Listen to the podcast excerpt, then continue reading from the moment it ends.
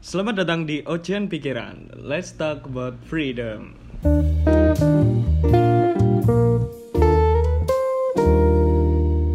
Oke, teman-teman semuanya, kembali lagi di Ocean Pikiran bareng host kesayangan kalian. Ya, ada Pak Puja di sini dan masih dalam keadaan social distancing yang masih berlaku hingga tidak tahu mau berakhir kapan ya. Jadi teman-teman yang sekarang masih stay di rumah, stay aja nggak usah ke mana-mana. Dan hari ini ya aku kembali ngobrol sama temanku dan karena ini social distancing ngobrolnya akhirnya lewat telepon. ya, eh, coba mbak perkenalkan diri dulu mbak. Ya, halo semuanya. Saya Caca, temennya Dava. ya, mbak Caca atau nama aslinya siapa? Asya ya. Asya, ha, bisa ya aku dipanggil Caca. Caca aja ya mbak ya. Oke, ha. Oke. Caca. Eh sebenarnya kita itu dulu teman SMP, terus sekarang ya satu kampus juga, cuma beda beda tempat kampus Beda gitu. tempat, Pak. Ah, beda tempat kampus. Dia ya yang di sebenarnya aku juga bingung sih kampus utamanya itu yang mana ya. Ya pokoknya dia eh, kampus yang A atau yang B, aku yang kampus satunya gitulah. Cuman satu satu kampus tapi beda lokasi aja. Beda Dan- lokasi. Eh, eh, dan dulu juga pernah satu SMP bareng. Oh iya, eh, kamu jurusan apa aja? Aku jurusan pendidikan luar biasa, PLB. Oh iya, PLB ya. Eh, angkatan 2016 sama kayak aku. 2016, ha. Jadi eh, kalau kalau di kampusku itu kayak ya dulunya itu kampus pendidikan. Terus akhirnya itu udah udah mulai berubah dan banyak juga fakultas-fakultas lain juga. Dan aku termasuk fakultas baru yang fakultasnya Caca ini termasuk fakultas yang cukup tua juga. Heeh, cukup old. Jadi eh, kampusnya itu beda dengan ini apa namanya eh, beda dengan kampusku secara tempat aja cuman dalam dalam artian namanya tetap sama sih sebenarnya dalam naungan institusi yang sama gitu. Cak, gimana kabarnya nih? Oke. Baik-baik Eh, aja ya? kabarnya alhamdulillah setelah mengisolasi diri karena dua minggu yang lalu kan aku stay di Surabaya masih di Surabaya Iya masih di karena- Surabaya ya? Heeh, Eh, masih di iya, kamu Surabaya kapan sih pulangnya? Aku pulangnya sekitar dua minggu yang lalu dua minggu yang lalu Dua minggu yang lalu. Oh iya iya Hmm. iya iya. dua minggu yang lalu Terus itu kan sebelum sebelum- sebelum ada himbauan eh, di rumah aja sih sebelum ada himbauan di rumah aja aku masih stay di Surabaya terus pulang besoknya baru ada himbauan di rumah aja terus akhirnya aku mengisolasi diri mengisolasi diri. Eh, Ya sih aku ya sebenarnya aku juga pulang dua minggu sebelumnya. Cuman kemarin itu sempat sempat balik ke Surabaya sebentar. Mm-mm. ya seminggu seminggu yang lalu lah sempet balik ke Surabaya bentar cuman ya cuma bentar aja terus Mm-mm. langsung ditelepon orang tua suruh pulang ya ya udah aja sebenarnya urusanku ya bro. Heeh. sebenarnya urusanku ya juga belum selesai cuman ya karena ya tau lah ya institusi kampus kan udah udah pada tutup semua iya jadinya ha. ya ya udah ya balik aja gitu. Terus ini cak eh, mensiasati social distancing nih. Eh, gimana rasanya? Maksudnya diisolasi selama hampir berapa minggu ya? Ya satu minggu lebih lah ya.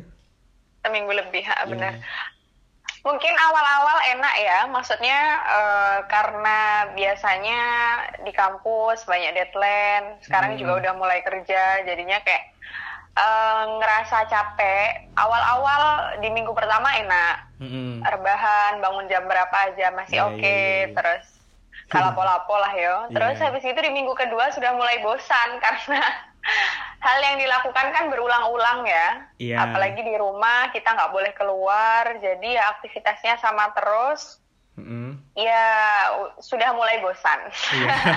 ya sama sih sebenarnya kayak dibatasi maksudnya Heeh, benar setelah mungkin ya mungkin setelah eh, berakhirnya social distancing ini mungkin orang-orang lebih menghargai apa yang namanya Bener sih, moment ha. kali ya. Soalnya kalau menghargai waktu. Iya diginiin terus sih.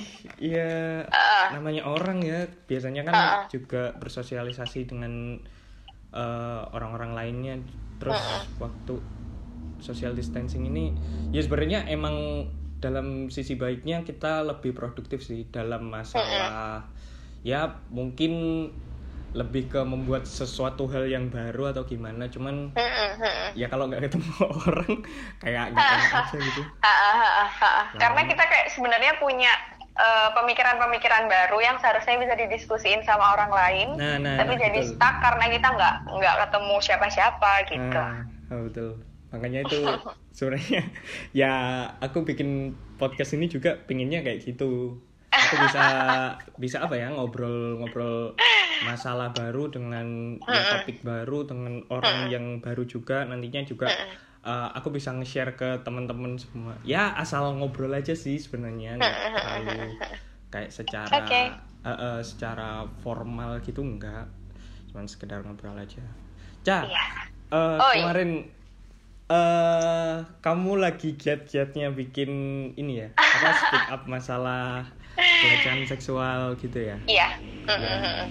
itu eh, aku tanya dulu ini aja wis Eh, menurut kamu itu pelecehan seksual itu apa sih Oke, Eh, sebenarnya ya kemarin memang karena social distancing sih, maksudnya social distancing ini juga membuat kita melakukan hal yang tidak sempat kita lakukan Heeh. sebelum social distancing gitu kan. iya iya Eh, terus akhirnya kemarin eh, berinisiatif bikin IGTV gitu untuk Iya, speak iya, up iya. masalah sexual harassment. Nah, jadi pelecehan seksual itu sendiri adalah tindakan eh, secara fisik maupun non fisik yang bisa berupa siulan, terus kedipan mata, terus isyarat eh, yang berbau seksual, terus ujaran-ujaran yang berbau seksual dan mengarah ke organ eh, seksual seseorang Mhm. atau seksualitas orang itu sendiri sampai korban merasa terganggu, kemudian korban merasa merasa keselamatannya di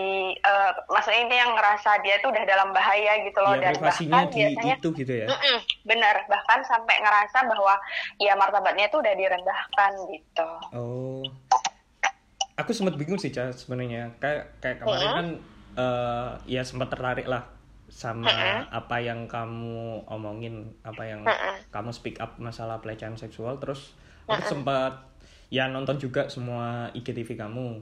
Terus sempat browsing-browsing juga masalah eh apakah pelecehan seksual ini masuk dalam kategori body shaming atau itu beda beda ini beda maksudnya beda kategori kalau menurut kamu Eh, kalau yang aku speak up itu kemarin kan masalah pelecehan seksual ya, pelecehan Iya. seksual tapi lebih ke pelecehan seksual verbal.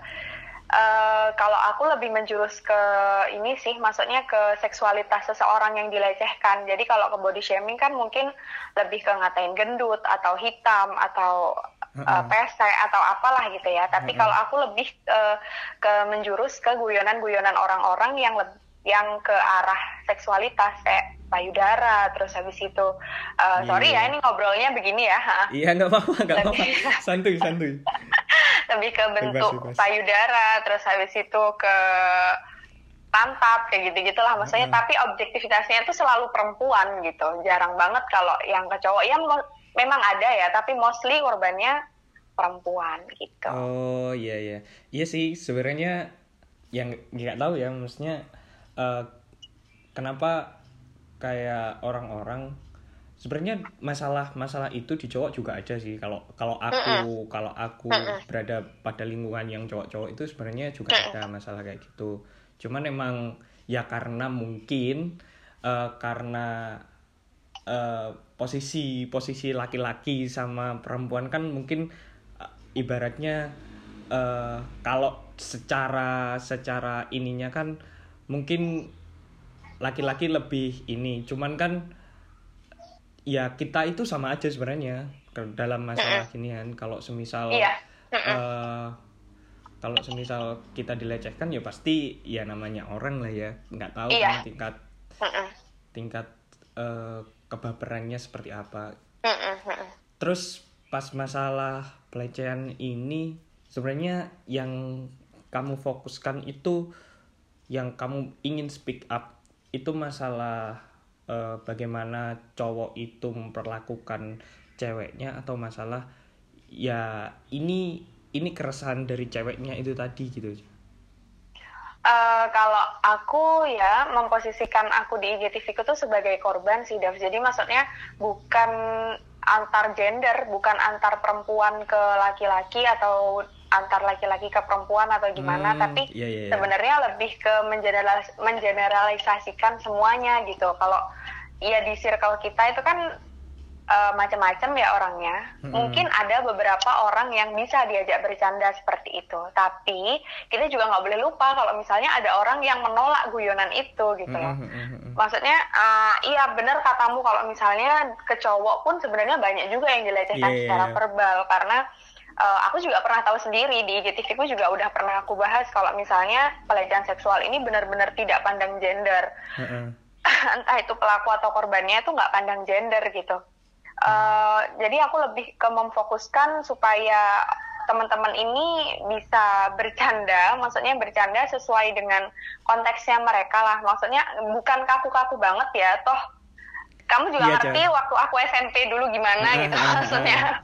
Kalaupun bercanda ya it's okay gitu, nggak nggak ada nggak ah. pernah ada masalah sama yang namanya bercanda. Cuma kan eh, harus ada kesepakatan keduanya ya kalau Iya. misalnya mau bercanda tentang hal-hal yang sangat privasi gitu apalagi biasanya dilontarkannya itu pas lagi rame banget gitu nggak pas Wah. Berdua aja atau maksudnya bukan dalam artian kalau berdua boleh ya tapi itu tuh di depan umum gitu didengar Iya banyak sih. orang kebayang nggak sih betapa malunya ketika Iya, kita itu iya, iya. dipermalukan pas banyak Iya, iya. orang dan kita nggak bisa nerima candaan itu sebenarnya aku lebih pengen fokus gimana caranya supaya lingkungan pertemanan kita itu sehat gitu candaannya Heeh, gitu sih.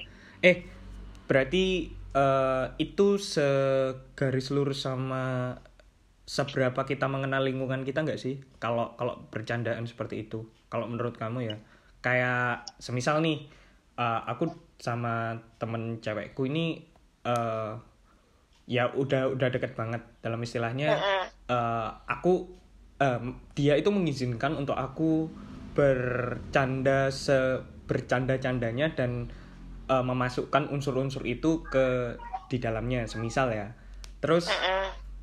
Kalau semisal lingkunganku menyetujui itu menurut kamu wajar-wajar aja nggak sih kalau masalah kayak gitu Kalau buat aku tetap nggak bisa ya, Hmm. maksudnya eh, I mean gini, eh, ketika ada beberapa orang atau mungkin jadi banyak orang yang mengiyakan candaan itu, Mm-mm. akhirnya candaan itu semakin menjadi budaya. oh iya iya, Hmm, paham kan? Ha, Jadi ketika awalnya mungkin nggak ada candaan itu ya, terus habis itu satu orang berani, terus satunya satunya nerima. Akhirnya orang ini bisa eh, bercanda kayak gini, nganggapnya ke semua orang bisa aja karena ya orang yang si aja oke oke aja, kenapa kamu jadi baper gitu loh? Iya, Jadi iya. ketika yang satu menerima dan yang satu enggak, bakal ada pembanding di antara keduanya. Jadinya playing victim nanti jatuhnya si korban ini ya semakin disalahkan karena memang eh, pengalamanku ketika speak masalah pelecehan seksual ini Ha-ha. selalu eh, ada playing victim. Akhir-akhirnya aku yang disalahin. Maksudnya sering iya banget sih. dikatain kalau aku terlalu baper. Terus ada yang bilang ngalah wong kon dewe yo nakal apa dikono nesu katanya gitu. Maksudnya Mm-mm. Uh, menurutku ya indikator indikator orang untuk dilecehkan itu apa sih gitu loh maksudnya seburuk-buruknya orang apa pantas untuk dilecehkan gitu jadi kalau misalnya semakin banyak orang yang metuju yang menyetujui Mm-mm. candaan ini pasti akan semakin menjadi budaya dan menurutku nggak nggak bagus sih gitu toh masih bisa kan bercanda dalam hal lain gitu yang lebih lucu Ha-ha, gitu ha-ha, sih ha-ha. Mm-mm. Berarti eh dalam istilahnya dalam circle kita nantinya eh, kita ibaratnya eh, semisal nih ya aku ngobrol sama seseorang ya pasti aku kan ya tahu ya porsiku ketika aku ngobrol se- sebatas apa gitu loh. Kan kalau semisal aku belum kenal sama sekali sama seseorang kan ya nggak mungkin kan aku ngobrolnya sampai eh, segitunya. Dan berarti eh, ibaratnya menurutmu ap- se- sebagai aku sendiri yang menjadi eh, orang yang ingin ngobrol sama seseorang eh, satu sama lain ya aku harus menjadikan itu sebuah kayak beban atau secara eh, secara ingin mengatakan sesuatu itu harus berhati-hati gitu ya menurut kamu lebih lebih berhati-hati atau ya aku menjadikan ini sebuah beban akhirnya eh, aku sendiri nggak berani ngomong sama orang yang baru gitu Mm-mm. Kalau buat aku sebenarnya lebih ke hati-hati sih, Dev. Maksudnya Hmm. gini, eh, kita kan dalam dalam bersosialisasi itu kan ada interaksi ya. Maksudnya ki- gi- gimana caranya supaya maksudnya kita itu memperlakukan orang seperti eh, kita ingin diperlakukan gitu loh. Kalaupun misalnya jadi pernah ada kejadian waktu Mm, itu mm, aku pernah ngingetin orang gitu kan. Pernah ngingetin orang karena waktu itu memang korbannya aku jadi aku disiul-siul gitu. Oh Terus kamu aku pernah speak up ke orang yang jadi ininya kamu juga berarti? Yang yang maksudnya pernah beberapa kali Oh. sebenarnya Mm-mm. terus Ada terus beberapa kali. responnya dari orang itu? Ya dia bilang kalau ya aku loh mbak cuma bercanda. Lagian kita juga nggak kenal gitu. Aduh I mean orang yang nggak kenal kenapa jadi berani melecehkan Iya ya gitu ya itu sih maksudnya Ah, ah, ya ah. budaya dari Indonesia sendiri Nah, ya ya. benar. Sebenarnya lebih ke budaya. Jadi kalau uh, aku bilang kita bisa lebih hati-hati sih karena kita berhati-hati dalam berucap itu nggak akan ada ruginya kok. Nggak akan Hmm. ada ruginya karena uh, mungkin sebenarnya candaan-candaan seksis yang bawa alat kelamin terus uh, mengomentari bentuk tubuh perempuan, terus memfantasikan bentuk tubuh perempuan atau laki-laki tuh kayaknya jadi hal yang sangat lucu di Indonesia jadinya. Iya, kan? Jadi Iya. kayak bahkan aku sempat mikir apa orang itu bakal jadi akrab ketika candaannya seperti itu ya kan kayaknya bisa jadi lebih deket gitu ya kalau misalnya bercanda begitu Iya. atau mungkin budaya Indonesia itu sudah terbangun seperti itu. Jadinya orang-orang lebih memilih untuk mengambil resiko sebagai pelaku pelecehan seksual daripada berhati-hati. Kalau kalau menjadikan beban kayaknya enggak ya karena eh, bukannya kita memang harus berbuat baik ke semua orang ya gitu. Berbuat baik banyak banget kok caranya gitu. Dan membatasi diri membatasi diri dalam artian eh coba deh kita ngebayangin aja aku nan misalnya kalaupun misal kalaupun kamu menerima candaan seperti itu jadi kamu bisa bilang kalau ya aku lo terima kalau dilecehin jadi aku boleh dong ngelecehin ngelecehin orang Oh, lain iya, misalnya iya, iya. gitu Ha-ha. misalnya kalau ada eh, ada statement kayak gitu bayangin aja kalau ketika kamu nanti punya anak entah anak anakmu itu nanti cewek atau cowok Mm-mm. kalau dia dilecehin kira-kira kamu te- terima nggak gitu Iya. karena itu balasan itu nggak akan nyampe ke kamu aja ya. Mungkin ke orang lain termasuk ke anakmu ke istrimu atau ke ibumu nanti. Jadi maksudnya apa ya nggak nggak nyampe ke kita langsung. Cuma kan Mm-mm. bisa ke orang lain gitu. Sebenarnya itu sih yang jadi yang bisa jadi eh, landasan kenapa kita harus nge-treat orang tuh sebaik mungkin gitu. Apalagi bercanda tentang hal itu kan kayaknya nggak banget ya Dav. Karena itu Iya, hal iya, yang iya. sangat privasi hal yang nggak bisa Iya, kamu iya sih, lihat. Tapi kamu memfantasikan itu gitu Mm-mm, sumpah. mm-mm. Iya, iya, iya. sebenarnya ini sih ke kalau kalau semisal di eh, uraikan secara luas ya, sebenarnya masalahnya di budaya Indonesia itu masih banyak orang Indonesia yang ngurusi privasi orang sih sebenarnya. Masalah itunya, masalah ya akhirnya timbul sebuah sebuah apa ya, sebuah statement kalau semisal eh ini nih gampang, ini nih gampang. Apa-apa di di apa ya? Ibaratnya kayak diabaikan gitu loh. Kayak semisal hal-hal penting kayak gini, itu kebanyakan orang Indonesia itu diabaikan. Apalagi kalau Ah, semisal eh kalau semisal ini sebenarnya diuraikan secara luas itu termasuk meremehkan kan meremehkan tingkat seseorang kayak gitu kan. Emang dari budayanya sih kalau aku melihat ya sebenarnya aku ya nggak pernah keluar negeri. Cuman kalau aku melihat eh, dari film-film dari luar negeri itu dan aku juga dapat cerita dari dosenku kebanyakan ya privasi orang orang luar negeri itu sampai dilindungi se selindung lindungnya gitu loh. Sampai itu dibawa sampai ke landasan hukumnya ada landasan Ya. hukumnya kalau kamu mengganggu privasi seseorang apalagi melecehkan kayak gitu. Dan kalau di Indonesia kan ya kan kebanyakan cuma beraninya kayak gitu doang gitu. Nggak nggak Iya. berani Mm-mm. ibaratnya kalau semisal ditantang Bali itu kebanyakan diem. Dan Ah, ah, ah, itulah yang yang kayaknya yang jadi fokus di Indonesia sih. Kebanyakan budaya kayak mengajar bukan bukan budayanya sih yang mengajarkan sebenarnya kayak lingkungan di situnya itu nggak nggak memberitahukan kalau kalau ini tuh sebenarnya itu penting gitu loh. Bener kalau kalau ngomongin pelecehan seksual memang kayak jadi hal yang sangat tabu ya Dev untuk dibahas karena sebenarnya bukan pelecehan seksual aja sih. Mm-mm. Semua hal yang berbau seksual itu kayaknya bakal jadi hal yang sangat tabu untuk dibicarakan dan siapa yang ngomong tuh kayak langsung jadi sorotan gitu. iya iya Karena benar, jujur aku tahu masalah pelecehan seksual itu baru pas SMP. Baru pas SMP, maksudnya aku nggak ngerti ya itu tingkatnya telat atau enggak. Tapi menurutku ketika hal ini diedukasikan sejak dini, mungkin akan lebih bagus karena mereka akhirnya eh, sudah tahu gitu. Anak-anak kecil tuh udah tahu kira-kira ngebahas hal ke orang, ngebahas sesuatu ke orang lain tuh apa sih batasannya gitu mm-mm.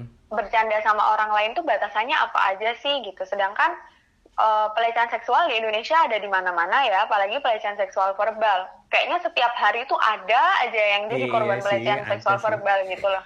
Kalau kamu Tapi- main ke terminal ke itu kan pasti ada lah Nah, uh-uh, bener banget. Maksudnya ke terminal, ke bahkan itu ke antar orang yang nggak nggak saling kenal Iya, gitu loh. iya, Tapi kalau ngomongin masalah, bener. Kalau ngomongin masalah sexual education, Mm-mm. eh kayaknya jadi hal yang sangat tabu di Indonesia. Padahal pelecehan seksual ada di mana-mana gitu. Coba kalau bisa kita korelasikan ketika sexual education yang rendah itu tadi sebenarnya bisa berdampak ke tingginya angka pelecehan seksual karena memang pengetahuan kita yang minim tentang itu Mm-mm. tentang apa aja sih sexual harassment tuh gimana aja sih contohnya itu kan termasuk ke sexual education ya ke sex Mhm. education akhirnya eh, karena pengetahuannya sangat minim itu tadi makanya berdampak ke tingginya angka pelecehan seksual. Karena ya eh, ya intinya mungkin nggak tahu ya orang-orang itu nggak tahu kalau iya sih kalau kebanyakan nggak hal tahu itu sih pelecehan seksual. Benar Heeh. masalah rata-rata nggak tahu. masalah edukasi eh, seksual kayak gitu kebanyakan nggak tahu. Makanya kayak kayak kalau aku lihat ya kayak di Duh, aku ngomongin luar negeri lagi nih, gak apa-apa wis. kayak aku lihat di luar negeri, kayak kan kalau kamu pernah nonton kali ya, pernah nonton film Sex Education, itu Sex Iya, Education itu masuk masuk dalam kurikulumnya eh, anak SMA belajar atau anak anak sekolah belajar gitu loh. Emang Oh, emang ha-ha. eh, emang sex education itu emang ada di kurikulumnya. Mereka belajar dan mereka di sana itu juga menyediakan kalau semisal ada masalah seksual itu mereka itu buka konsul konsultasi di sana. Jadi ada Oh, ada oke, tempat buat konsultasi masalah seksual dan sebagainya seperti itu. Karena emang eh, pengajaran seperti itulah yang sebenarnya itu penting yang ditanamkan sejak awal karena emang Indonesia ini masih tabu kalau masalah masalah gitu-gituan lah ya Ah, ah, ah, ah. Padahal itu kalau menurutku emang emang penting banget. Iya, Misal penting kalau- banget kalau sih, ha. misal disuarakan apalagi nanti dampaknya ke eh, ke depannya anak-anak malah nggak tahu, malah eh, nggak mengerti kalau kalau sebenarnya aku ini sedang dilecehkan. Cuman Ah, ah.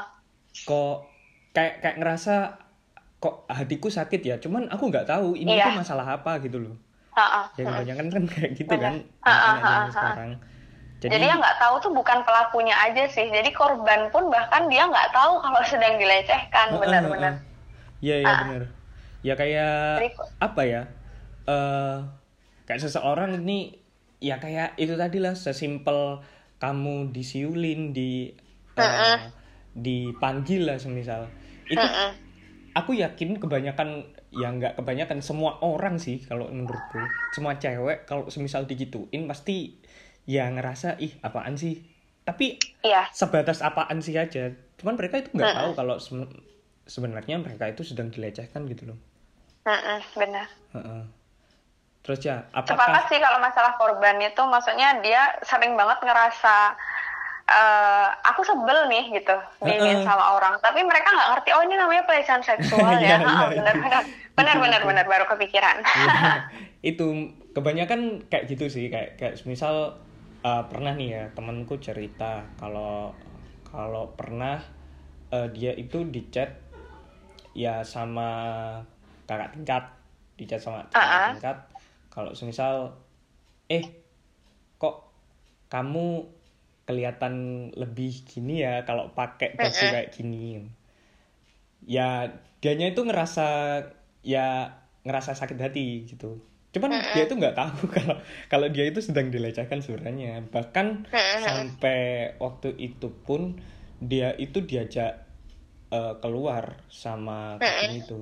Dan diajak keluarnya itu ketika ya cuma secara chat aja sih sebenarnya. Kayak kayak diajak ayo main ke sini. Cuman aku ngerti tujuan tujuan dari cutting bangsat ini ke mana? Gitu.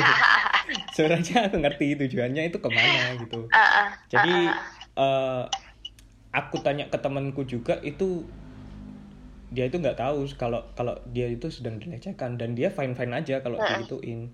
Dan sebenarnya pun aku itu kayak eh, bilang ke dia sering bilang ke dia kalau kamu itu nggak salah. Yang salah itu orangnya bukan bukan cara berpakaian kamu atau gimana. Bukan ya bukan mengundang ya. Karena kalau menurutku eh, cewek itu be- bebas memakai apa aja. Kan pengennya dia berekspresi seperti apa nggak apa-apa. Cuman ya emang emang orangnya ini yang yang ibaratnya eh, kok kok nggak tahu kalau kalau dia itu sedang melecehkan seseorang.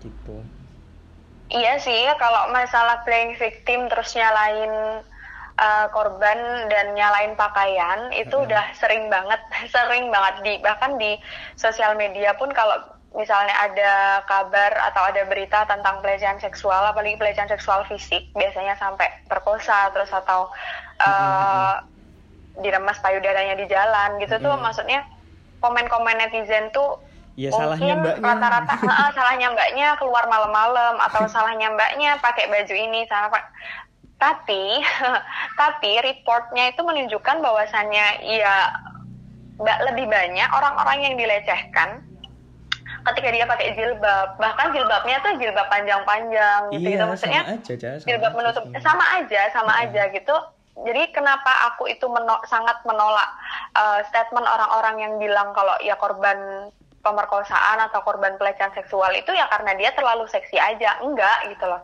Enggak. literally enggak karena banyak banget korban-korban pelecehan seksual. Ya contohnya aku sendiri gitu. Ha-ha. kamu ngerti aku pakai jilbab gitu kan?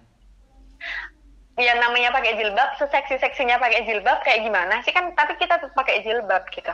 Mm-mm. itu juga tetap dilecehin gitu loh. Teman-temanku yang jilbabnya lebar pakai gamis pun dia tetap dilecehkan terus apa apa apa pakaian itu masih tetap bisa dijadikan sebagai indikator pelecehan? Kan enggak gitu. Iya iya iya. Iya bener sih. Emang Mm-mm. emang salah emang salah ya kalau semisal maksudnya kalau kalau semisal dia pinginnya berpakaian seperti itu gitu loh. Ya, ya, yang salah itu ya ya kamu yang ngelecehin kalau menurutku bukan bukan Iya, ini ya karena kan yang emang yang kepikiran untuk melecehkan kan emang emang orang yang ingin melecehkan itu tadi bukan bukan yang berpakaian entah itu Iya. pakai gamis atau pakai pakaian seksi pun. Sebenarnya kalau kalau kalian nggak nggak apa ya kayak nggak berfantasi atau memikirkan Ah, hal yang benar. eh, aneh-aneh juga nggak akan keluar itu kata-kata pelecehan kata-kata kayak gitu karena secara nggak sadar juga kalau aku sih ya kalau aku sih eh, dandan atau pakai baju apa pun pakai jilbab warna apa pun pakai make up itu li- literally untuk memuaskan diriku sendiri sih. Nah, maksudnya betul. itu bentuk bentuk menghargai diri aja gitu. Betul. Benar. Bukan untuk memuaskan visual orang lain Iya, gitu iya, enggak lah. Ya ngapain enggak. gitu loh. Eh, ya ngapain gitu loh. Itu sebenarnya tingkat kepuasan kita tuh di situ gitu. Maksudnya uh, apalagi ntar kalau kita udah kerja ya, apalagi kita Iya. udah kerja, kita punya uang sendiri, kita mau beli apa pun dan kita mau pakai apa pun tuh kayak jadi bangga banget gitu loh pakai Iya. hasil kerja kita sendiri. Sebenarnya Hmm. itu buat kepuasan aja sih, bukan untuk memuaskan visual orang-orang. Makanya kan ada juga beberapa orang yang bilang kalau ya makanya nggak usah dandan. Jadi perempuan-perempuan itu nggak boleh dandan biar tidak mengundang pelecehan seksual. Aduh, maksudnya bukan seperti Eh, itu. Nggak gitu gitu loh. Konteksnya tuh nggak gitu. Nggak gitu. konteksnya bener nggak gitu gitu. Konsepnya nggak gitu bro. Konsepnya nggak gitu. Ya, karena ya kalaupun kan misalnya kamu- memang pakaian. Mm-mm, kamu kan udah tahu ya, maksudnya eh ibaratnya ya kamu memposisikan make up seperti ini untuk di kampus, memposisikan kayak gini untuk di rumah. Ya karena menurutku eh ya seperti itu menurutku ya cukup penting untuk untuk menjaga kamunya sendiri gitu loh, agar agar lebih menghargai dirimu sebagai Iya. wanita gitu. Kan itu Iya. merupakan cara kamu eh, mereward diri kamu sendiri kan Iya, uh, sebenarnya bentuk reward sih, bentuk reward. Dan kalaupun misalnya dandanan itu sebagai indikator pelecehan, nggak akan ada pemerkosaan ke anak kecil-kecil tuh nggak akan ada. Kalau Iya, misalnya, kalau misalnya uh, dandan itu jadi indikator pelecehan ya, nggak akan ada pedofil-pedofil tuh nggak akan ada betul, gitu. betul betul betul Nggak akan ada. Lah kan ini permasalahannya pedofil ada di mana-mana Heeh. itu jadi ya masa iya anak kecil make up gitu anak kecil nggak make up aja tetap diperkosa gitu kan Heeh, heeh. jadi memang salah pelakunya aja sih salah pelakunya literally salah pelakunya gitu Tapi kalau kalau menurut kamu nih ya, kalau melihat dari sisi pelaku, menurut kamu apa sih yang menyebabkan mereka maksudnya semudah itu melakukan itu kayak gitu? Aku aja ya, Ca. Maksudnya Mm-mm. kalau aku ngobrol sama temenku yang cewek, itu tuh kayak aku ya bukan hati-hati sih, kayak kayak membatasi membatasi goyanganku gitu loh. Gak gak gak selos kalau sama yang cowok kan. Kalau cowok kan emang ngobrolnya biasanya kan eh, ini maksudnya kayak lebih los gitu loh. Tapi kalau sama cewek kan aku juga lebih menjaga kayak gitu. Apalagi kalau cewek kan eh, ke bawahnya biasanya ke hati gitu. Aku takutnya nanti kalau aku goyangan eh, ya yang agak lepas dikit itu takutnya ya yang ceweknya ag- agak sedikit gerundel gitulah. Tapi kalau menurut kamu dari sisi pelakunya gitu, apa sih yang menyebabkan mereka ini melakukan pelecehan seksual kayak gitu? Maupun secara verbal atau ini ya, fisik. mungkin goblok kali ya Ya mungkin itu kata yang tepat kali. iya karena maksudnya gini eh karena kan namanya seks itu kan atas konsen keduanya ya Mm-mm, mm-mm.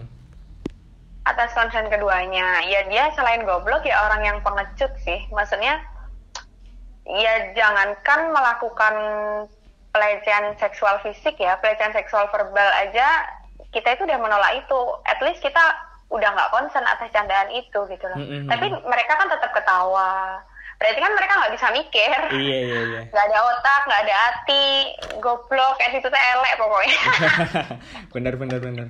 Aku aja kalau kalau semisal ya aku salah mengucapkan kata-kata terus temenku temenku ya temen cewekku agak sedikit beda gitu ya wajahnya. Itu aja aku udah ngerasa bersalah banget gitu loh. Ah, ah, kayak, kayak notice nyinggung. ya? Ah. Heeh, aku udah notice kayak kayak aku nyinggung nyinggung orang semisal terus orang itu ternyata personal banget buat temenku kan juga kadang aku ngerasa Iya. aduh kayak aku salah ngomong deh.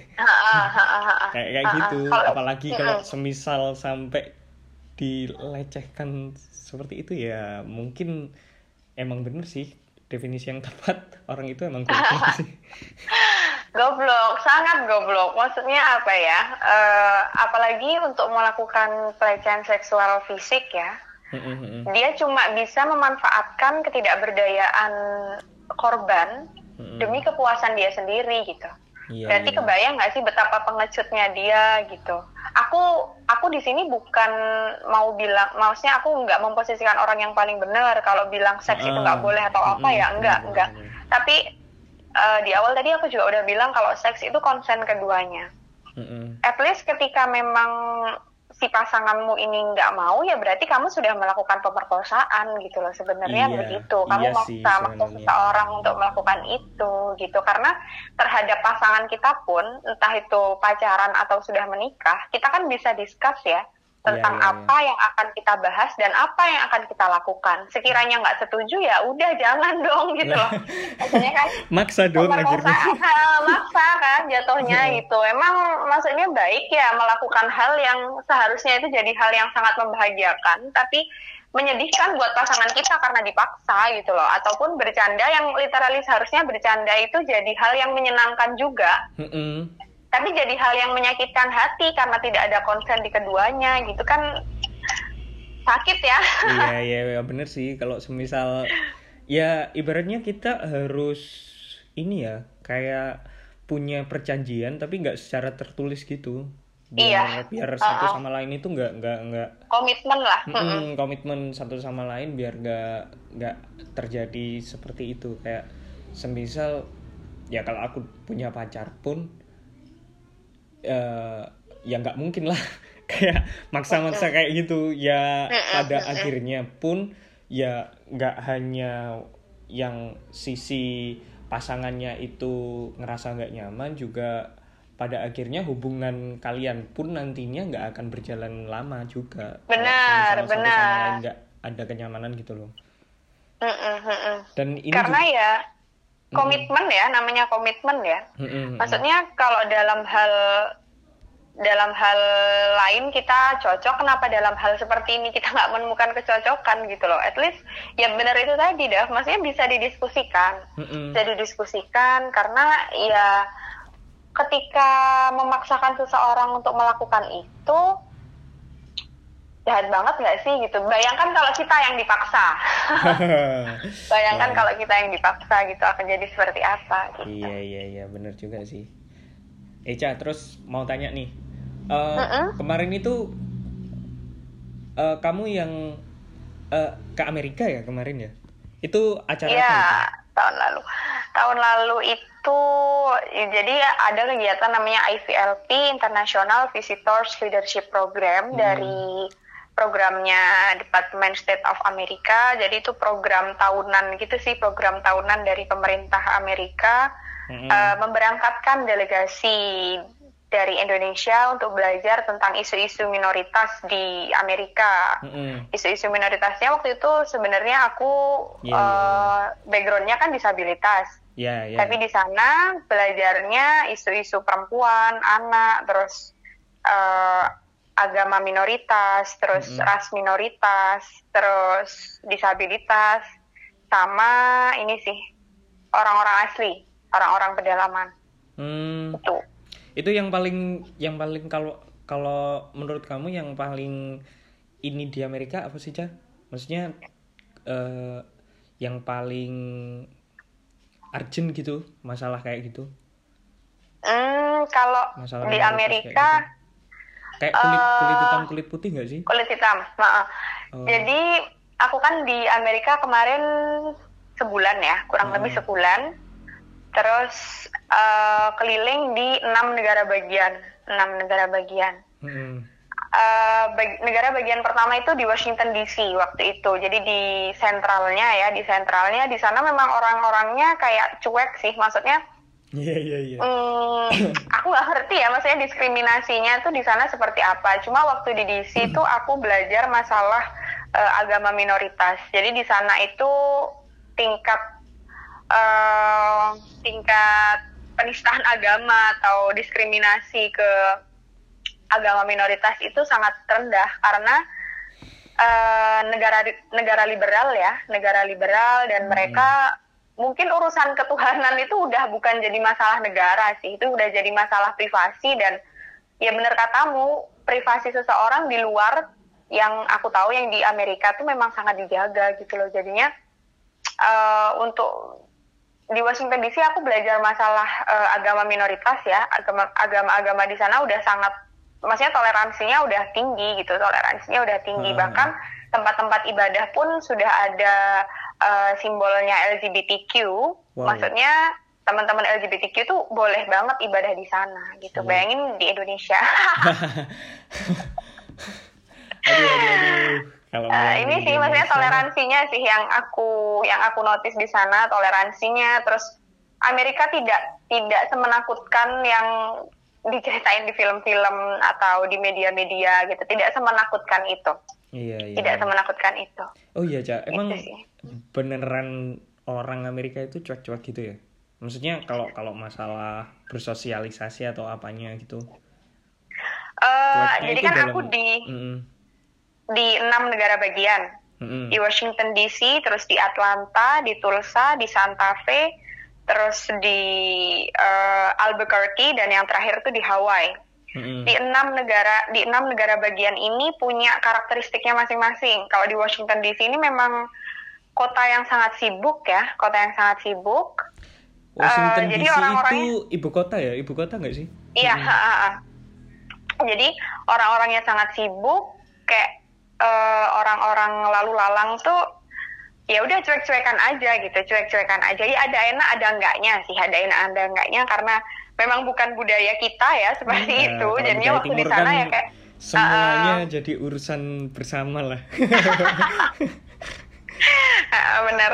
Kalau kalau di sana tuh ya enaknya kan maksudnya kita mau ngelakuin apa pun orang nggak akan nyinyir lah gitu. Tapi ya nggak enaknya kita kayak benar-benar hidup sendiri di sana gitu. Pas di Washington DC di Atlanta nggak terlalu beda jauh karena memang itu kota yang maksudnya masih kota yang sibuk ya kota sibuk di kalau di Tulsa itu agak sepi dan yang terakhir di Hawaii itu karena memang banyak orang Asia jadi kita kayak di Indonesia Hawaii oh Waktu itu aku di daerah mana ya, aku lupa.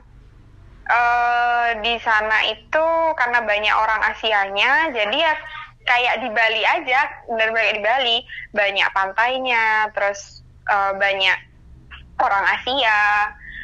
Udah mulai udah mulai senyum, udah mulai senyum sapa salam Hmm. kalau di Hawaii. iya iya iya iya.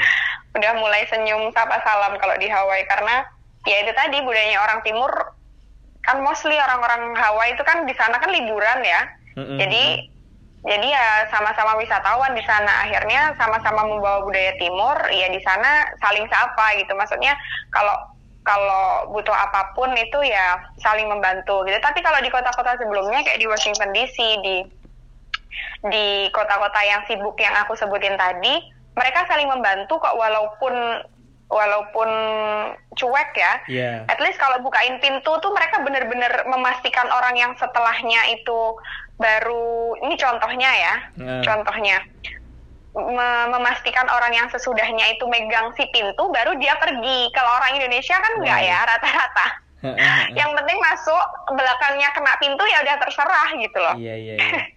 Iya sih kalau kalau di Contohnya sana gitu sih. menghargai banget kali ya. menghargai banget, Mm-mm. menghargai dan membantu karena kemarin kan juga ada teman disabilitas kan yang berangkat ke Mm-mm. Amerika bareng aku. Mm-mm. Eh, beliau pengguna kursi roda. Orang-orang di sana tuh udah nggak kayak ngeliatin si Mbak ini, si Mbak yang pakai kursi roda kayak Iya, udah iya, benar-benar iya. cuek, heeh. Mm-mm. benar-benar cuek. Tapi kalau misalnya mau masuk ke gedung atau apa, sekiranya mau bu- sekira pintu itu manual ya dibantu buat bukain pintu. Terus Oh. kalau udah mulai kesulitan dorong itu mereka juga bantu. At least bukan kayak orang sini yang ngeliatin tapi nggak Iya, dibantu ya. kayak kayak ngerasa aneh gitu ya. Ngerasa orang sini, aneh, heeh, ngerasa aneh. Malah nggak dibantuin.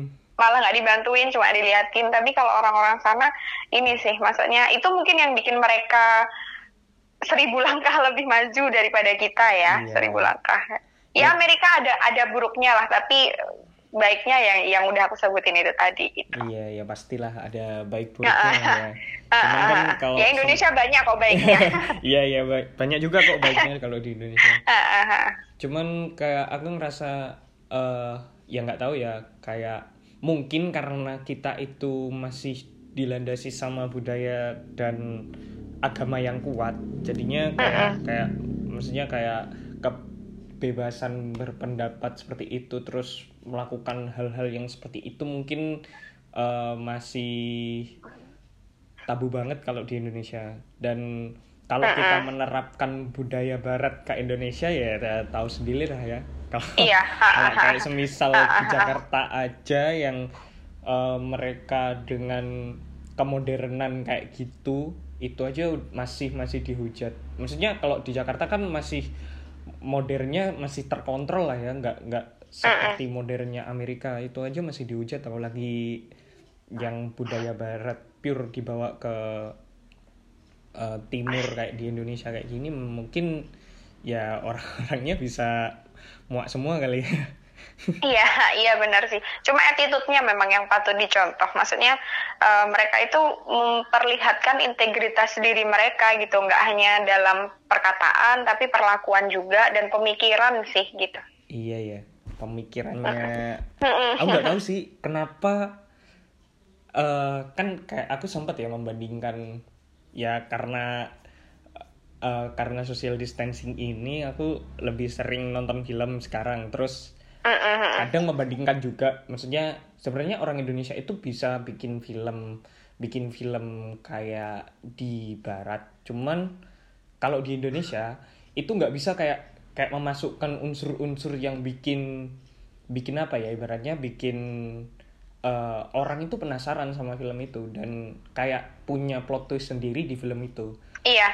Uh, kayak Indonesia itu nggak nggak bisa memasukin itu karena nggak mau uh, film ini nanti diturunin gitu loh dari bioskop gitu.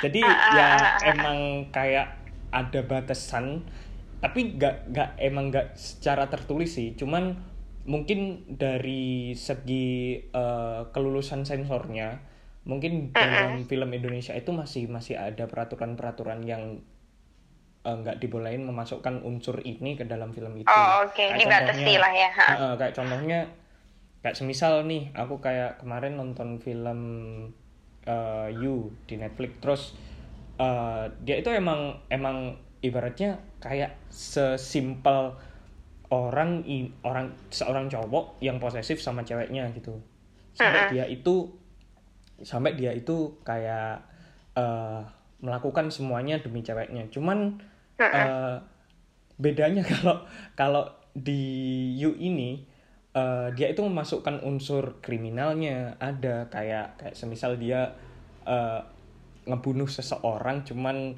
ibaratnya dengan cara yang kalau menurutku cukup cerdas lah ya.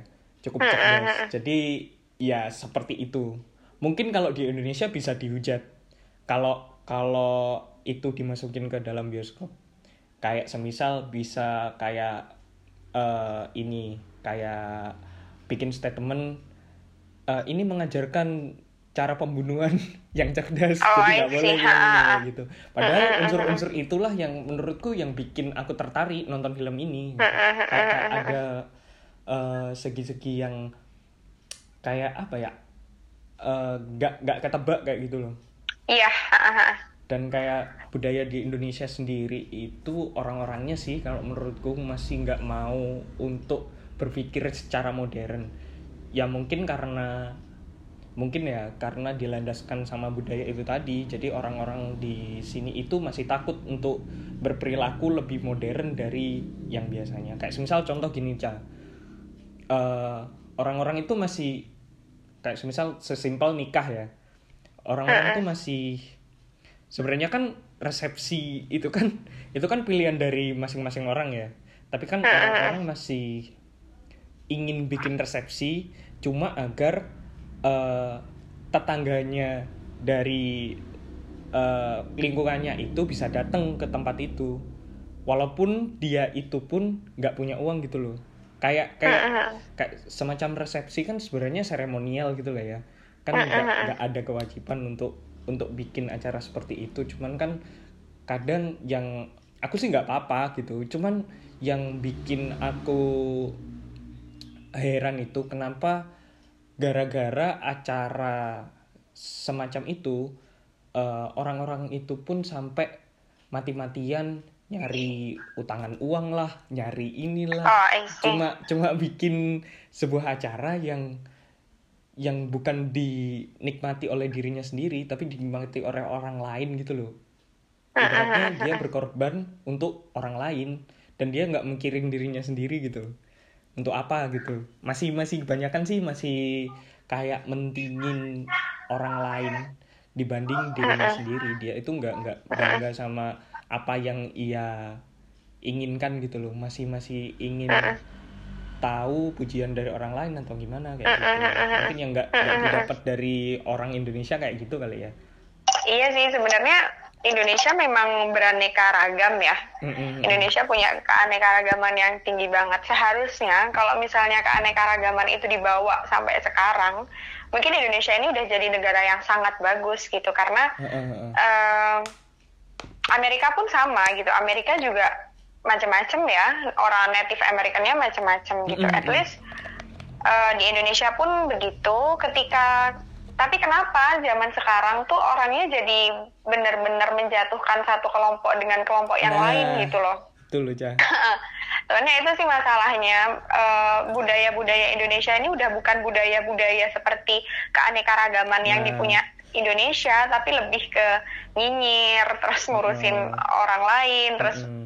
Tiba-tiba jadi Tuhan, gitu gitulah. Nah, iya, seperti Budayanya, itulah. budaya budaya kita yang berkembang tuh budaya itu, bukan budaya-budaya yang seharusnya kita eh, ya di orang kebetulan aku orang Jawa ya. Hmm. Maksudnya di Jawa juga ada istilah Jowo, gimana caranya kita untuk memperlakukan orang gitu. Mm-mm. Tapi bukan budaya-budaya seperti itu yang yang berkembang, tapi lebih ke kebiasaan-kebiasaan buruk yang akhirnya jadi budaya. Itu yang Iya. berkembang di Indonesia. Iya, itu iya, sih itu masalahnya benar. Iya, iya, bener sih. Oke, Cah, karena udah hampir satu jam nih, aku punya Wow. Iya. Emang nggak kerasa kan kalau ngobrol kayak gini? Aku juga kadang itu ya kalau bikin podcast selalu nggak nggak kerasa. Kadang malah ada podcastku yang eh, durasinya hampir dua jam. Karena emang emang asik ngobrolnya aja gitu. Emang emang enak kalau semisal berbagi perspektif kayak gini, dapat insight, dapat value baru dari teman baru kan juga enak juga. Iya. Apalagi kalau bahas-bahas masalah kayak gini. Ah, ah. Cah, aku mau tanya sesuatu nih. Eh, Oke. tanya sesuatu dan ini mungkin pertanyaan terakhir ya. Eh, Oke. Kalau kamu nih udah udah ibaratnya udah nggak ada, kamu itu ingin dikenal sebagai Caca yang seperti apa sih? Aku kalau udah nggak ada, tapi semoga nggak adanya bukan karena corona ya. Jangan sampai lah. Nanti kamu masuk list ini lagi. list yang diumumin setiap saat. terus terus. Aku pengen dikenal sebagai eh, Caca yang bebas, Mm-mm. terus Caca yang menyenangkan, Mm-mm. dan Caca yang beda dari orang lain. Oke. Emang beda itu emang bikin asik sih. beda Karena sebenarnya fitrahnya manusia memang beda sih, Iya. maksudnya tapi nggak tahu kenapa sekarang jadi kayak berkelompok dan Iya, sok sama. Ntar kalau kalau nggak masuk kelompok itu nanti dihujat gitu ya. Banyakan sih kayak gitu. Satu pertanyaan lagi tuh ya. Satu pertanyaan Oke, lagi. oke. Heeh. Eh, gini aja wis. Kalau semisal nih eh, kamu ditunjuk nih eh, untuk ketemu sama presiden atau menteri-menteri yang berkaitan dengan hal-hal yang kita bahas tadi, apa yang ingin kamu sampaikan ke mereka nih? Eh, masalah kayak gini kan sebenarnya ya menurut mereka ah itu mah apa kayak gitu kan. Tapi kan sebenarnya yang ngerasain kan kita gitu loh. ha, ha, ha, ha, ha. Ini yang terkait yang kita bahas tadi ya Iya, berarti. yang awal, yang awal. Yang pelecehan seksual kalau tadi. aku ketemu sama orang-orang parlemen dari apa yang kita bahas tadi, aku cuma pengen eh, orang-orang parlemen mengesahkan RUU PKS, RUU penghapusan kekerasan seksual, karena eh, di Indonesia itu belum ada penanganan, perlindungan, Mm-mm, terus mm-mm. pemulihan yang didapatkan dan inti- intinya keamanan korban itu belum ada sih di Indonesia. Jadi aku pengen Indonesia itu punya regulasi itu supaya setidaknya korban ini bisa mm, kalau sembuh enggak ya karena memang apa sih yang bisa menyembuhkan dari Iya, korban iya pelecehan sih. seksual gitu. Mm-mm. At least tapi orang yang melakukan itu seharusnya bisa dapat balasan yang setimpal melalui RUU PKS itu tadi gitu. Mm. Oke Cia, terima kasih udah Oke, mau makasih. ngobrol sama aku hampir satu jam ya, 55 menit. Hampir satu jam Oke. ngobrol bareng. Nah, terima kasih Oke. juga teman-teman yang udah dengerin. Tetap stay at home, jangan eh, bodoh kalian karena ini bukan masalah kecil. Mungkin dulu Yap. masalah kecil karena eh, mungkin kalian meremehkan virus ini dan kalian nggak akan terkena, tapi eh, lihat dampaknya sekarang, lihat dampaknya sekarang kalau semisal ini bisa berdampak pada masa depan kalian mungkin ya. Eh, karena kuliah libur, institusi libur, semuanya libur dan itu akan menghambat pertumbuhan kalian. Dan kalian juga nggak mau kan kalau di rumah terus. Jadi tetap nurut sama pemerintah karena ini juga masalah yang cukup pelik. Nggak nggak tahu ini sampai kapan deadline-nya akan berakhir. Dan terima kasih juga buat teman-teman yang udah dengerin podcastku dari dari mulai podcast yang awal sampai yang sekarang tetap stay tune aja di podcastku. Jangan lupa juga uh, share podcast ini karena ini juga uh, termasuk membahas topik yang cukup cukup uh, pelik ya di Indonesia. Karena emang masalah-masalah seperti seperti ini kebanyakan orang Jarang dibahas. Heeh, jarang dibahas dan meremehkan masalah seperti ini. Oke, thank you. Terima kasih. Sampai jumpa. Stay at home buat teman-teman. Assalamualaikum warahmatullahi wabarakatuh.